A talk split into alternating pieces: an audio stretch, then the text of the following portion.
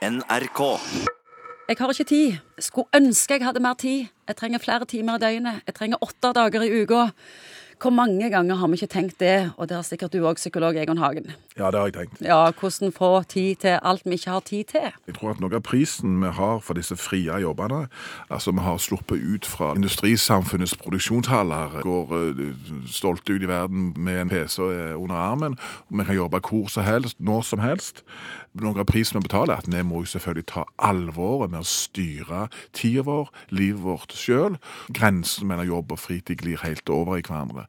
Og Det betyr at eh, mange kan føle at tida faktisk ikke strekker til, for du kan alltid jobbe. Det som undrer meg, det er alle disse småbarnsforeldrene som snakker om tidsklemmer i Norge, i det landet der folk har mest tid. Sammenlignet med resten av verden. Det er ikke om tidsklemmer i Venezuela. Nei, nei, akkurat. Og jeg tror faktisk i Venezuela eller Colombia de, de topper faktisk lykkeindekser der nede. Kanskje ikke Venezuela akkurat nå, men kanskje ja. Ja, men ikke Venezuela, men Colombia tror jeg faktisk er ganske høyt oppe.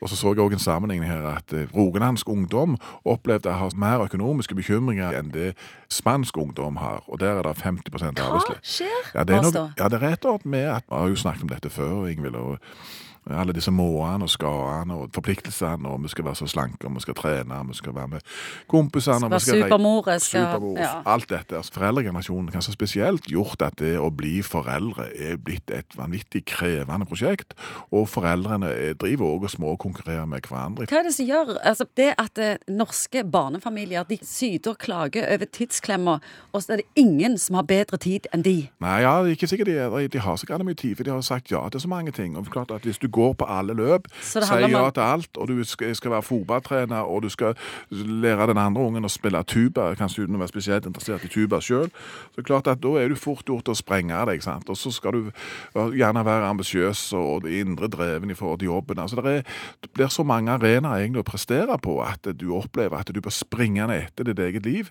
For det er alltid et eller annet krav eller et eller annet ideal som du skal tilfredsstille. Da spør jeg psykologen, hva er kriteriene for å bruke tida rett? Nei, Stopp opp litt og si trenger du gå på alle disse løpene. Hva skjer hvis du på en måte slipper noe? La det bare liksom, Trenger du være med alltid? Trenger du følge med på alt? Piper det på telefonen? Trenger du liksom sjekke det midt under Hva er viktig for meg? Ja, hva er viktig for meg, og hva gjør meg lykkelig? Jeg pleier å si det til mange pasienter. Har du, vet du hva som gjør deg lykkelig? Ja, OK, så gjør mer av det. Vet du det ikke, så må du finne det ut. og så prøve å gjøre mer av det. Så, så, sånn at det, det, Jeg har sagt det mange ganger til ledere som klager over at det er så mange ting, og det er så mange krav og forventninger, de skal ordne det og svare på det. Så sier jeg at istedenfor å tenke at du har fått tildelt en kontekst du skal operere i, så lag deg en kontekst som du kan trives i.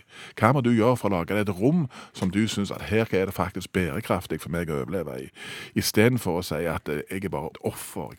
Lederrollen er blitt et offer. Ja, så hvis du klager på tidsklemmer, så er det din egen feil. Lag deg tid. Ja, litt Ja. gjerne hvis du skal følge det psykologiske. Vær et nei-menneske. Ja, brems litt mer. Ikke gå på alle løp. Styr livet litt mer. I hvert fall ikke komme i en situasjon at du sier at her er det en drøss med andre folk som bestemmer hvordan min livsgrammatikk skal se ut. altså.